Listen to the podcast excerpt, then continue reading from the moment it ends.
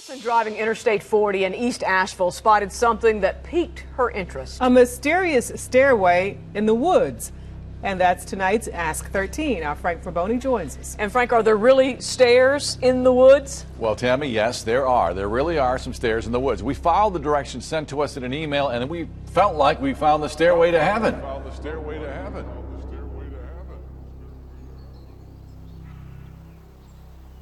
I 2015 dukkede der en række fortællinger op på Reddit, som hurtigt fik meget opmærksomhed. Historierne kom fra en anonym kilde, der delte sine erfaringer og oplevelser som Search and Rescue Officer i de amerikanske skove. En Search and Rescue Officer bliver forkortet SAR, og det er en form for eftersøgnings- og redningsperson, som er tilknyttet de forskellige skovområder og nationalparker.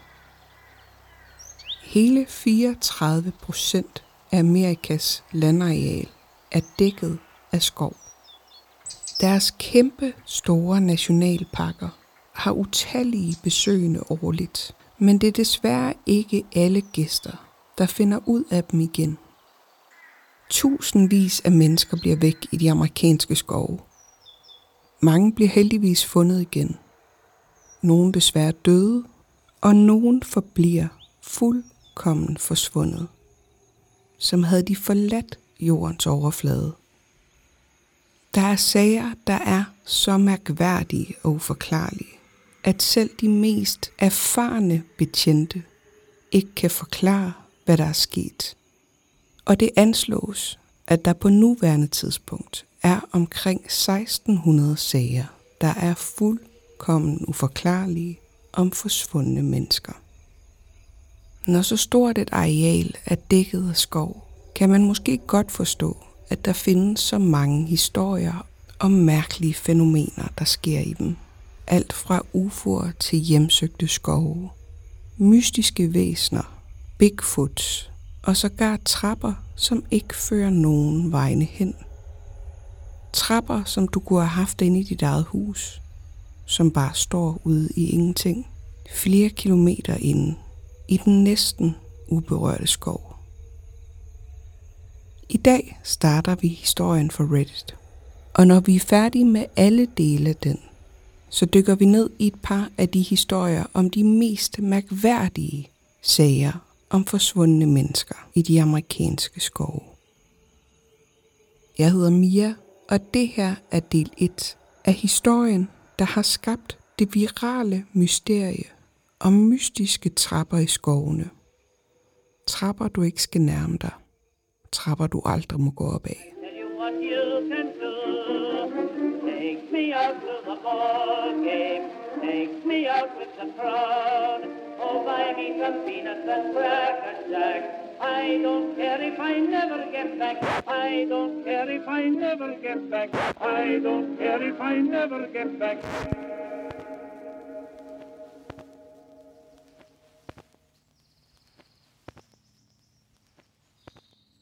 I am a search and rescue officer for the U.S. Forest Service. I have some stories to tell. Delt på Reddit i 2015. Jeg var ikke sikker på, hvor jeg kunne dele de her historier, så jeg tænkte, at jeg ville dele dem her. Jeg har været en search and rescue officer i nogle år nu, og i løbet af de år har jeg set nogle ting, som jeg tænker, at I vil være interesseret i at høre om. Jeg har en rimelig høj succesrate, når det kommer til at finde forsvundne mennesker. For det meste bliver de væk, fordi de kommer til at forlade stierne. Ellers så falder de ned af en lille skrant og kan ikke finde tilbage til stien igen. Størstedelen af dem har hørt de gamle råd. Bliv hvor du er. Og så vandrer de ikke langt væk. Men to gange har jeg oplevet, at det modsatte skete. Begge episoder hjemsøger mig meget. Og i dag er det min motivation for at lede endnu grundigere, når personer bliver væk.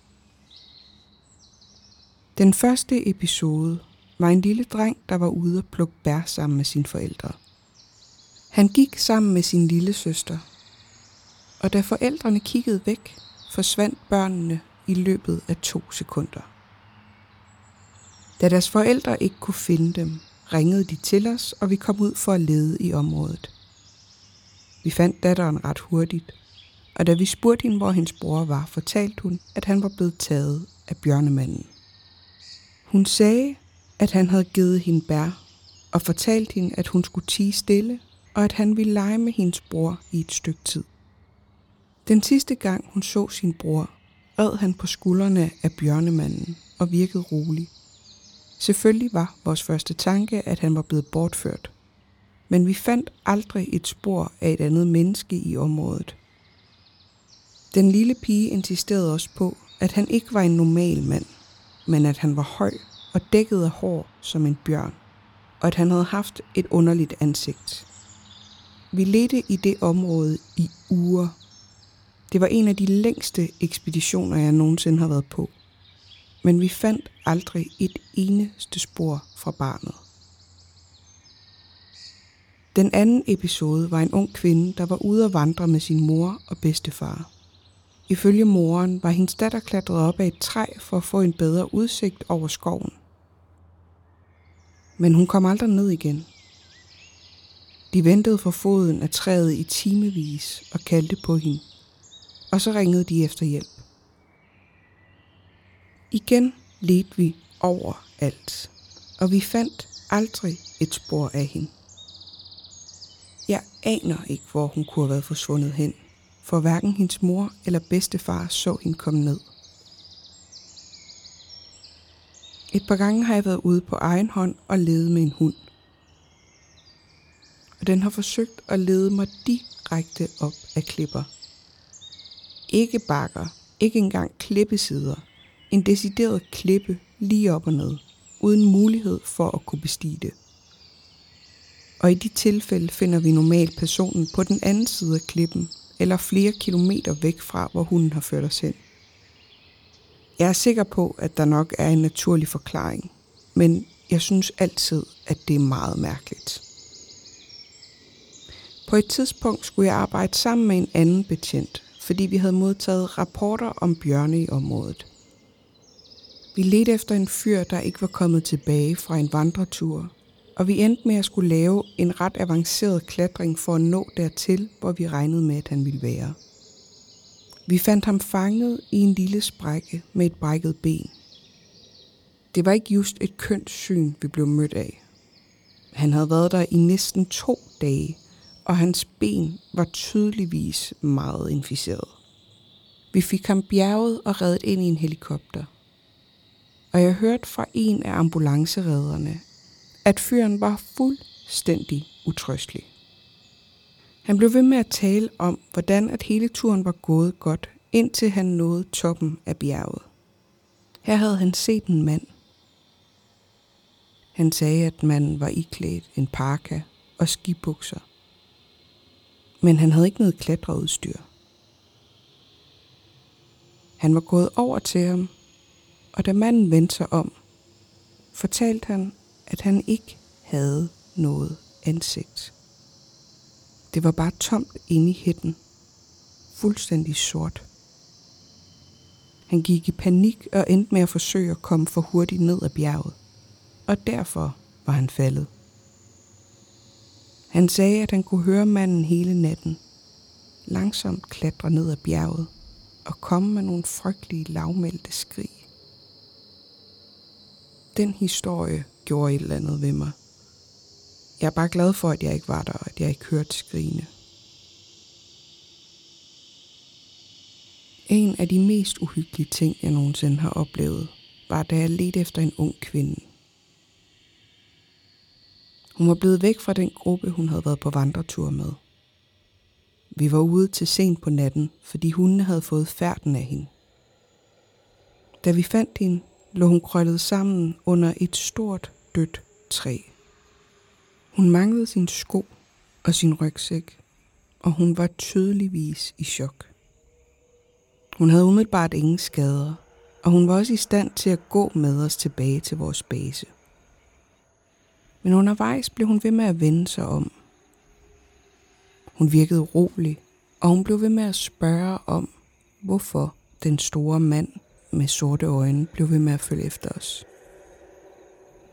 Vi kunne ikke se nogen, så vi slog det hen som værende en eller anden form for choktilstand, hun var i. Men jo tættere vi kom på basen, jo mere oprevet blev kvinden. Hun blev ved med at bede mig om at sige til ham, at han skulle stoppe med at skære ansigter af hende. På et tidspunkt stoppede hun op, og så vendte hun sig om og begyndte at råbe ind i skoven og sagde, at hun ville have ham til at lade hende være i fred. Hun blev stående, og hun sagde, at hun ikke ville følge med ham. Og så sagde hun, at hun ikke ville give os til ham. Vi fik hende endelig til at fortsætte med at gå. Men pludselig kunne vi høre nogle mærkelige lyde, der kom fra alle sider af skoven.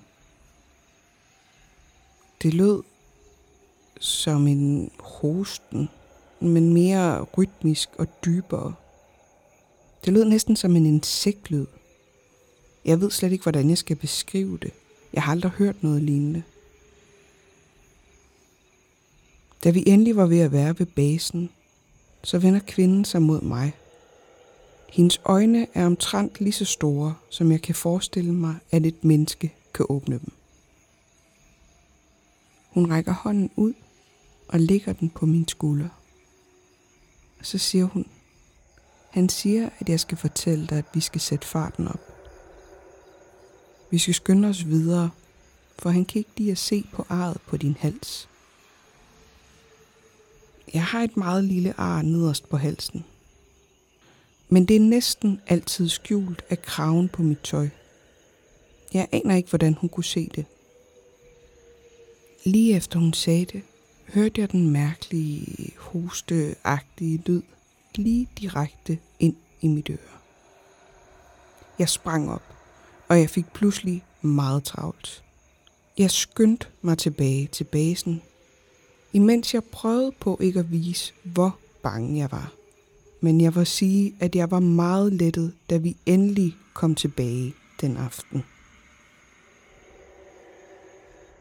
Den sidste historie, jeg vil fortælle jer, er nok den mærkeligste historie, jeg har.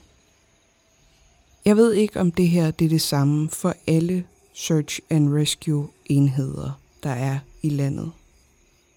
Men i min afdeling er der noget, vi ofte støder på, men som ingen taler om. Du kan sagtens prøve at spørge andre betjente om det, men selvom de ved, hvad du taler om, så vil de højst sandsynligvis ikke snakke om det. Vi har også fået at vide af vores overordnede, at det ikke er noget, vi skal tale om.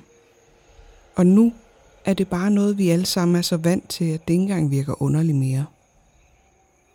På næsten alle ekspeditioner, hvor vi kommer virkelig langt ind i skoven. Og her mener jeg altså 50-60 km dybt ind i den tæt bevoksede skov og vildnes. Derinde finder vi som oftest på et eller andet tidspunkt en trappe midt ude i skoven. Det er næsten som hvis du tog en trappe fra dit eget hus, fjernede den og satte den ud i skoven. Første gang jeg så en, spurgte jeg den betjent, jeg var ude at gå med. Han sagde, at det ikke var noget, jeg skulle bekymre mig om, og at det var helt normalt. Alle, jeg har spurgt om fænomenet, svarer det samme. I starten ville jeg gerne finde en igen for at prøve at undersøge den. Men jeg har udtrykkeligt fået at vide af mine kolleger, at jeg aldrig skal gå i nærheden af dem. Og når jeg ser et sæt trapper nu, så ignorerer jeg dem bare, for det sker ret ofte. Jeg har mange flere historier, og hvis I er interesseret, kan jeg fortælle nogle af dem i morgen. Og hvis der er nogen af jer, der har teorier om trapperne, eller hvis du også har set dem, så må du meget gerne skrive til mig. Del 2 Da jeg loggede på igen her til aften, blev jeg fuldstændig overvældet over den store interesse, som min historie har skabt. Først og fremmest vil jeg lige tage fat på noget af det, som I har reageret på. Der har været overvældende mange, der har nævnt ligheden mellem nogle af mine historier og David Polites. Jeg kan forsikre jer om, at jeg ikke prøver at kopiere ham på nogen måde. Jeg har stor respekt for den mand, og han er faktisk årsagen til, at jeg blev inspireret til at skrive det her, for jeg kan bekræfte mange af de ting, han taler om. Vi har mange af de her mærkelige sager om forsvundne personer, og de forbliver ofte uløste. Enten det, ellers så finder vi personerne på besynderlige steder. Personligt har jeg ikke oplevet mange af den type sager, men jeg vil dog dele et par stykker, som jeg selv har oplevet, og noget, som min ven har fortalt mig. Der var rigtig mange, der har skrevet til mig om trapperne, så det kommer jeg kort ind på her, og jeg vil også komme med endnu en beretning. Trapperne forekommer i forskellige former, størrelser, stilarter og tilstand. Nogle er ret forfaldende, bare ruiner, mens andre er helt nye. Jeg så en trappe, der så ud som om den kom fra et fyrtårn. Trinene var af metal, og trappen en gammeldags vindeltrappe. Trapperne fortsætter ikke op i det uendelige eller længere end jeg kan se, men nogle af trapperne er højere end andre. Som jeg har nævnt tidligere, så prøv at forestille dig en trappe inden for dit eget hus, placeret ude midt i ingenting. Jeg har ingen billeder, for det er aldrig rigtig faldet mig ind at prøve at tage et. Og jeg har heller ikke rigtig lyst til at risikere mit job for det. Måske prøver jeg igen en gang at finde et sæt trapper, men jeg vil ikke love noget. Nogle få af jer har været lidt forvirret over historien om klatreren, der mødte manden uden ansigt. Bare for at præcisere, da klatreren nåede toppen af bjerget, så han en anden mand i parka og skibukser. Det var manden uden ansigt. Beklager, hvis formuleringen har været lidt uklar. Det vil jeg prøve at undgå i fremtiden. Okay, videre til de nye historier. Halvdelen af alle de opkald, vi får, handler om savnede personer. De øvrige opkald er redningsopkald. Det kan være personer, der er faldet ned af klipper eller er kommet til skade.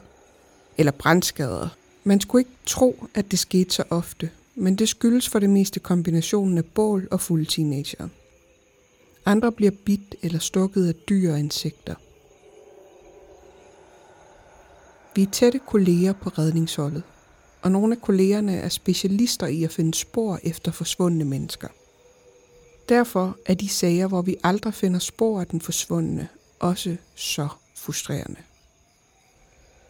Især var én sag foruroligende for de spor, vi fandt her, førte til flere spørgsmål end svar.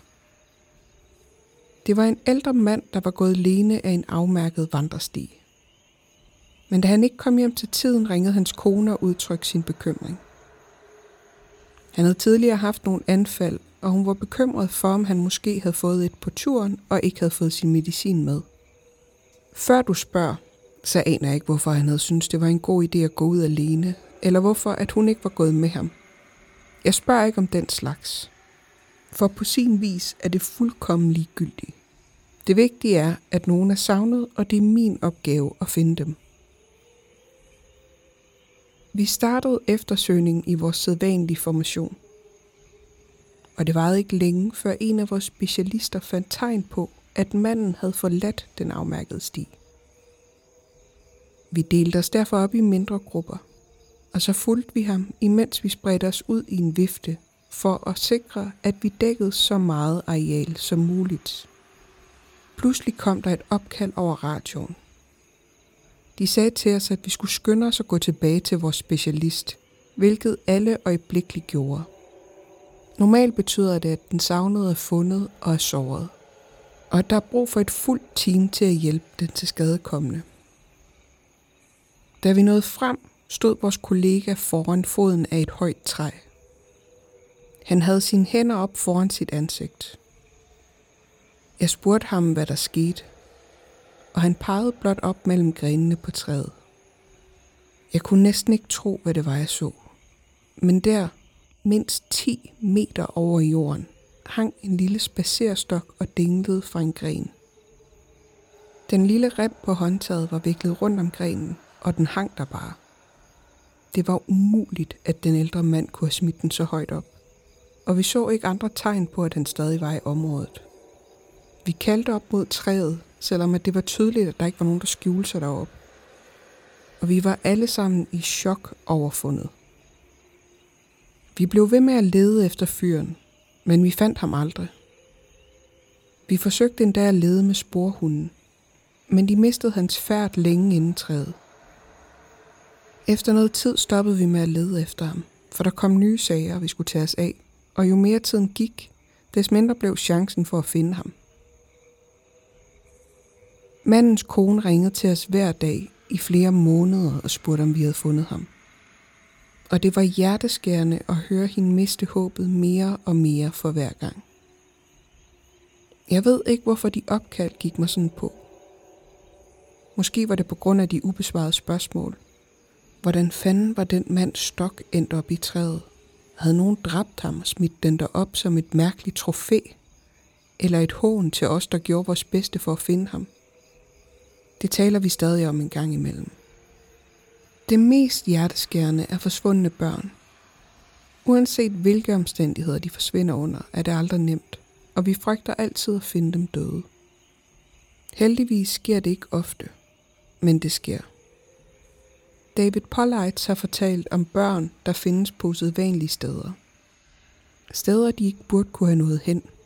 Og jeg kan kun sige helt ærligt, at det har jeg også oplevet, og at det sker oftere, end man skulle tro. Jeg vil dele en oplevelse, som jeg stadig tænker meget over, og som jeg var personligt vidne til. En mor og hendes tre børn var på skovtur i et område af parken, hvor der var en lille sø. Børnene var 6, 5 og 3 år gamle. Moren slap dem ikke af syne på noget tidspunkt, og hun bemærkede heller ikke andre i området, hvilket er vigtigt i forhold til det videre forløb. Efter noget tid ved søen pakkede hun deres ting sammen, og de begyndte at gå tilbage imod parkeringspladsen. Søen ligger cirka 3 km inde i skoven, og vejen dertil er et godt afmærket vandresti. Det er stort set umuligt at fare vild på strækningen fra parkeringspladsen til søen, medmindre at det er din bevidste intention at blive væk. Hendes børn gik foran hende, da hun pludselig hørte, at der kom en på stien bag dem. Hun vendte sig om, og i løbet af de få sekunder, hvor hun ikke havde øjnene på sine børn, forsvandt hendes femårige søn. Hendes første tanke var, at han havde forladt stien for at tisse – og hun spurgte sine to andre børn, hvor han var gået hen. De fortalte hende begge, at en stor mand med et skræmmende ansigt var kommet ud af skoven og havde taget deres bror i hånden og ført ham ind i den tætte skov. De to tilbageværende børn virkede ikke kede af det. Moren fortalte, at det virkede som om de næsten var bedøvet. De var forvirrede og uklare. Selvfølgelig var hun helt ude af den, og hun begyndte at lede fabrilsk i området efter sit barn. Hun skreg hans navn, og syntes på et tidspunkt, at hun hørte ham. Men det var jo ikke muligt for hende at løbe ind i skoven, da hun havde de to andre børn. Så hun ringede efter politiet, og de sendte os ud med det samme.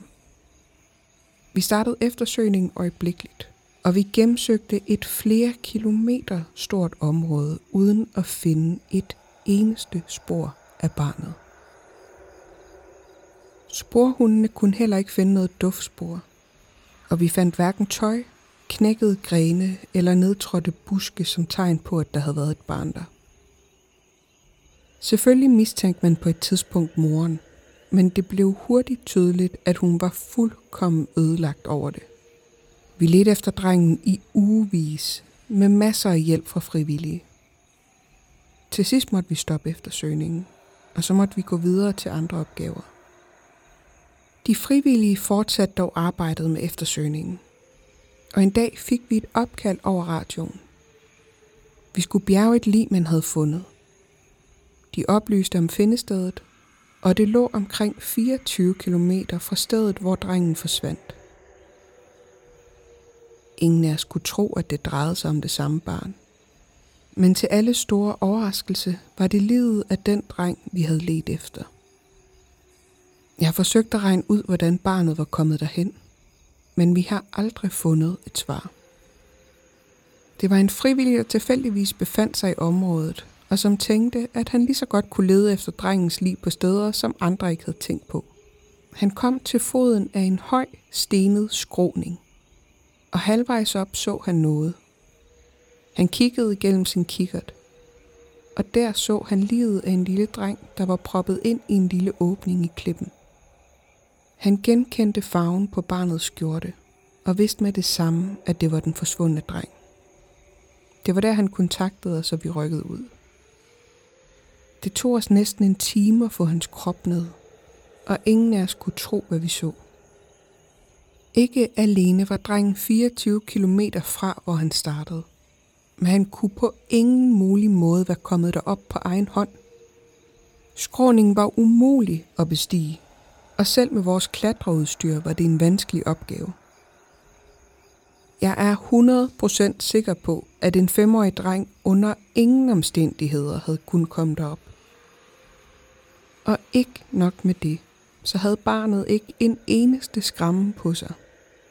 Hans sko var væk, men hans fødder var hverken sårede eller snavsede. Det kunne umuligt have været et dyr, der havde trukket ham herop. Og efter hvad vi kunne se, så havde han heller ikke været død særlig længe. Han havde på det her tidspunkt været forsvundet i mere end en måned. Men det så ud til, at han højst havde været død i en dag eller to. Hele sagen var så mærkelig. Og det er en af de mest foruroligende sager om forsvundne mennesker, jeg har været en del af. Vi fik senere at vide, at retsmedicineren havde fastslået, at drengen var død af kulde. Han var simpelthen frosset ihjel, sandsynligvis om natten, dagen før vi fandt ham. Der var ingen mistænkte og ingen spor. Til dato er det noget af det mærkeligste, jeg nogensinde har set.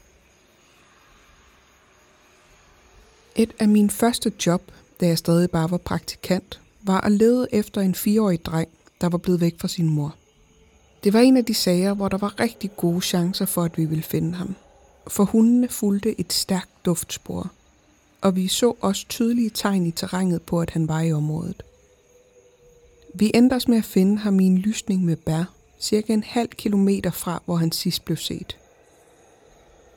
Drengen havde slet ikke lagt mærke til, hvor langt væk han var kommet fra sin mor. En af vores meget erfarne betjente bragte ham tilbage, hvilket jeg var rigtig glad for, da jeg virkelig ikke er god til børn. Jeg har svært ved at tale med dem, og jeg har virkelig svært ved at holde dem i selskab. Da min mentor og jeg var på vej tilbage, besluttede hun sig for at tage en omvej med mig for at vise mig et af de hotspots, hvor man ofte fandt forsvundne personer. Det var en naturlig lavning i terrænet, nær en populær sti. Og folk, der er far vild, går ofte ned ad bakke, bevidst eller ubevidst, simpelthen fordi det er lettere. Vi nåede ud til stedet efter cirka en times vandring. Mens vi gik rundt i området, udpegede hun steder, hvor hun tidligere havde haft held med at finde forsvundne personer. Imens vi gik rundt, lå jeg mærke til noget. Og det skal lige tilføjes, at området, vi befandt os i, er cirka 12 km fra parkeringsområdet. Dertil befinder vi os i fredet statsejet skov, hvilket betyder, at der ikke eksisterer nogen former for erhvervs- eller boligbebyggelse herude. Det, man kan forvente at se herude, vil typisk være et brandtårn, eller måske en sjælden gang en hjemløs intermistiske husly. Det, jeg kunne se, var et eller andet bebyggelse med lige kanter. Og noget, man lærer hurtigt af at færdes meget i naturen, er, at naturen sjældent skaber former med lige linjer. Jeg påpegede det over for min mentor, men hun svarede ikke. Hun satte bare tempoet ned, og så lå hun mig tjekke det ud. Da jeg var cirka 6 meter fra det, rejste alle hårene på min krop. Det gik op for mig, hvad det var, jeg stod overfor. Det var en trappe midt ude i den her forbandede skov. I alle andre sammenhæng havde jeg ikke fundet det skræmmende, for det var jo bare en helt almindelig trappe. Den var omkring 10 trin høj og havde beige tæppe på. Siderne på trappen var naturligvis ikke tæppebelagte, Og her kunne man se, at det var en trætrappe. Men i stedet for at befinde sig i et hus, stod den så her midt ude i skoven. Det var næsten som når et computerspil ikke loader ordentligt, og hvor selve huset fejlede i sin uploading, og derfor var det kun trapperne, der var synlige. Jeg stod der bare stirret. Det føltes som om min hjerne var på overarbejde for at prøve at forstå, hvad det var, jeg kiggede på. Min mentor kom hen og stillede sig ved siden af mig. Hun stod helt afslappet og jeg tog trappen, som om det var et helt almindeligt syn med en trappe midt uden skov. Jeg spurgte hende, hvad fanden den trappe lavede her. Og hun lå bare og sagde, vent dig til det, rekrut. Du kommer til at se mange af dem. Jeg gik tættere på trappen, men hun greb hårdt fat om min arm og stoppede mig. Det ville jeg ikke gøre, sagde hun. Hendes stemme var afslappet, men grebet var stramt, og jeg stoppede op og så på hende. Du kommer ofte til at se dem, men du skal ikke gå i nærheden af dem. Du skal ikke røre dem, og du skal aldrig gå op ad dem. Bare ignorere dem. Jeg forsøgte at spørge mere ind til det. Der var noget i den måde, hvorpå hun så på mig, der sagde, at det var bedst, hvis jeg ikke spurgte mere. Vi endte med at gå videre, og emnet blev ikke bragt op i resten af min oplæringstid. Men hun fik ret, for jeg tror omkring hver femte opkald, jeg kommer ud på, fører mig forbi en trappe. Nogle gange er det relativt tæt på stien, måske inden for 2-3 km. Andre gange er de 30-40 km væk fra stierne. Og bogstaveligt talt midt ude i ingenting. Og i de tilfælde kommer jeg kun forbi dem, fordi vi har udvidet eftersøgning eller træningsweekend. Trapperne forekommer i forskellige former, størrelser, stilarter og tilstand. Normalt er de i ret god stand, men nogle gange ser det ud til, at de har været herude i flere årtier.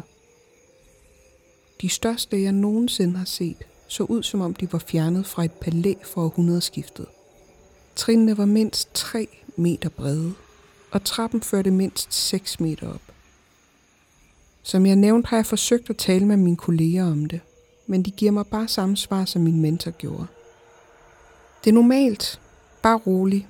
Det er ikke noget særligt, men lad være med at gå tæt på dem eller op ad dem. Når nye praktikanter spørger mig om trapperne, så giver jeg dem det samme svar. Jeg ved ikke rigtig, hvad jeg ellers skal fortælle dem. Jeg håber virkelig, at jeg en dag finder et bedre svar, men det er ikke sket endnu. Det her er en mindre uhyggelig og mere trist historie. En ung mand forsvandt sidst på vinteren.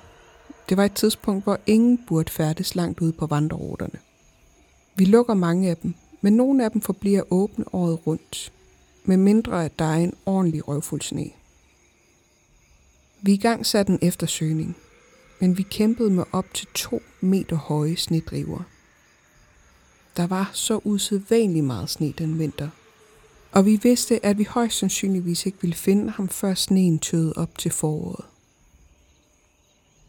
Og sikkert nok, da plusgraderne kom og sneen begyndte at tø, rapporterede en vandrer om fundet af et lig et stykke væk fra hovedstien. Vi fandt ham ved foden af et træ i en bunke smeltet sne. De af jer, der står på ski eller snowboard eller vandrer i bjergene, vil sikkert også have gættet det. Når sneen falder, ligger den så ikke så tykt under grenene ved for eksempel græntræer. Deres grene fungerer næsten som en form for åben paraply, så der dannes et mellemrum omkring træernes rødder. Det er fyldt med en blanding af løs, puderagtig sne, luft og grene. Det kaldes træbrønde, og de er ikke umiddelbart synlige, hvis du ikke ved, hvad du leder efter. Derfor har vi også advarselsskilte hængende i velkomstcentret til at fortælle folk, hvor farlige de er. Men hvert år, hvor der er usædvanligt meget sne, er der mindst én person, der ikke læser skiltene eller ikke tager det alvorligt. Og det finder vi altid ud af om foråret. Mit bedste gæt er, at den her unge mand var på vandretur, hvilket gjorde ham træt. Eller måske fik han krampe af at gå i den dybe sne. Han satte sig derfor ved foden af et græntræ, uden at vide, at der var en træbrønd. Og her faldt han ned på bunden med fødderne opad. Sneen, der omgav ham, faldt sammen om ham. og ude af stand til at frigøre sig, blev han kvalt. Det, der skræmte mig mest, var tanken om, hvordan han måtte have kæmpet. Han døde sandsynligvis ikke hurtigt, og sneen må have dannet en tæt, tung bunke oven på ham, der gjorde det umuligt at komme ud. Da det blev sværere for ham at trække vejret, må han have vidst, hvad der kom til at ske. Jeg kan slet ikke forestille mig, hvordan han må have tænkt til sidst. De af mine venner, der ikke selv færdes i naturen, vil gerne vide, om jeg nogensinde har set The Goat Man, når jeg har været ude på opgaver. Desværre, eller heldigvis tror jeg egentlig, har jeg aldrig set ham. Jeg gætter på, at det, der er tættest, er sagen om manden med de sorte øjne, som jeg fortalte om sidst. Der var ganske vist et opkald, hvor der skete noget lignende, men jeg er ikke sikker på, at jeg er villig til at sammenligne det med The Goat Man. Vi havde fået en melding om en ældre kvinde, der var besvimet op på en af bjergstierne, og hun havde brug for hjælp til at komme tilbage til parkeringsområdet. Vi vandrede op til det sted, hvor hun var faldet om, og her løb hendes mand os i møde. Han var helt ved siden af sig selv. Han fortalte os, at han var gået lidt væk fra stien for at kigge efter noget, da hans kone pludselig begynder at skrige bag ved ham. Han løb straks tilbage til hende og fandt hende besvimet på stien. Vi fik hende op på en borger, og så transporterede vi hende ned på parkeringsområdet. Hun kom endelig til sig selv igen, og det første hun gjorde var at begynde at skrige. Jeg beroligede hende og spurgte ind til, hvad der var sket. Jeg kan ikke huske ordret, hvad det var, hun fortalte, men det var noget i retningen af det her. Hun havde ventet på sin mand, da hun pludselig hørte en virkelig mærkelig lyd. Hun sagde, at det lød lidt som en kat, men det lød forkert på en eller anden måde. Hun kunne ikke helt sætte en finger på, hvorfor. Hun gik en smule længere hen ad stien for bedre at kunne høre, og det lød som om, at lyden kom tættere på. Hun fortalte, at jo tættere hun kom på lyden, des mere urolig blev hun. Og så slog det hende pludseligt, hvad det var, der var galt. Jeg husker så tydeligt den måde, hun fortalte det på, da det var så underligt, at jeg ikke tror, jeg kan glemme det, selvom jeg prøver.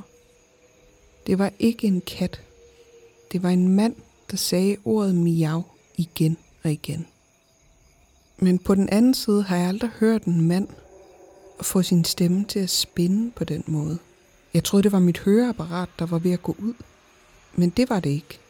Og selvom jeg justerede på det, lød det stadig som en spindende kat. Han blev ved med at komme tættere på, men jeg kunne stadig ikke se ham.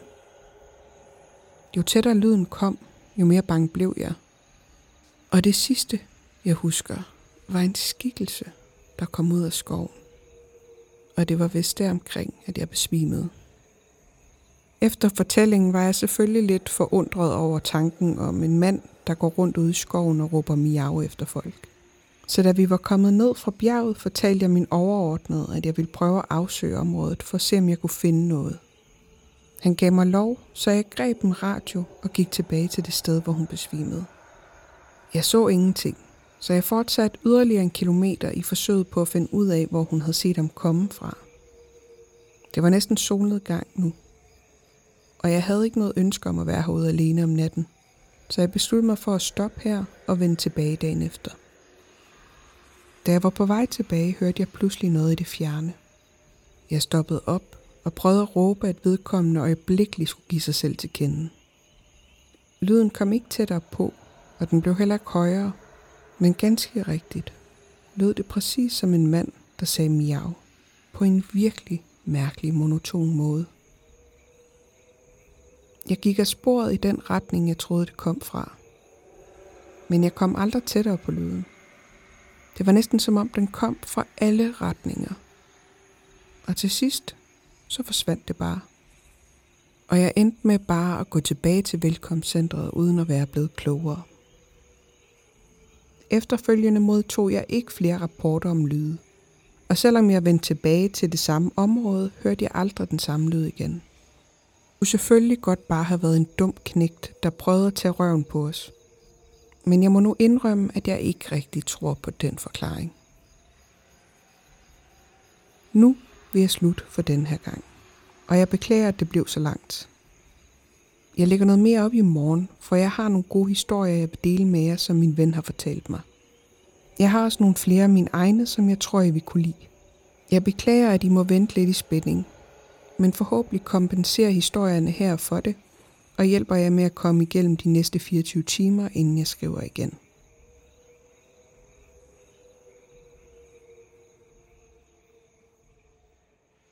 Tak, fordi du lyttede med. Hvis du kan lide det, du hører, så kan du hjælpe os med at dele det med en ven. Du kan skrive en lille anmeldelse af os, hvor end du lytter med. Du kan give os stjerner ind på Spotify eller Apple Podcast, og så kan du give os et thumbs up inde på Podimo. Det hjælper os rigtig meget med at komme ud til flere mennesker, og på den måde kan vi få adgang til flere steder. Og så vil jeg lige minde jer om, at jeg søger historier fra lyttere, der har oplevet uhyggelige ting, overnaturlige ting, eller andre ting, der måske minder lidt mere om Let's Not Meet, men i hvert fald noget, der var rigtig uhyggeligt. Du kan skrive til mig på Instagram, fucking uhyggeligt med to A'er, eller i vores Facebook-gruppe, fucking uhyggelig podcast, eller du kan sende en mail på fuckinguhyggeligt at gmail.com. Fucking er stavet med to A'er.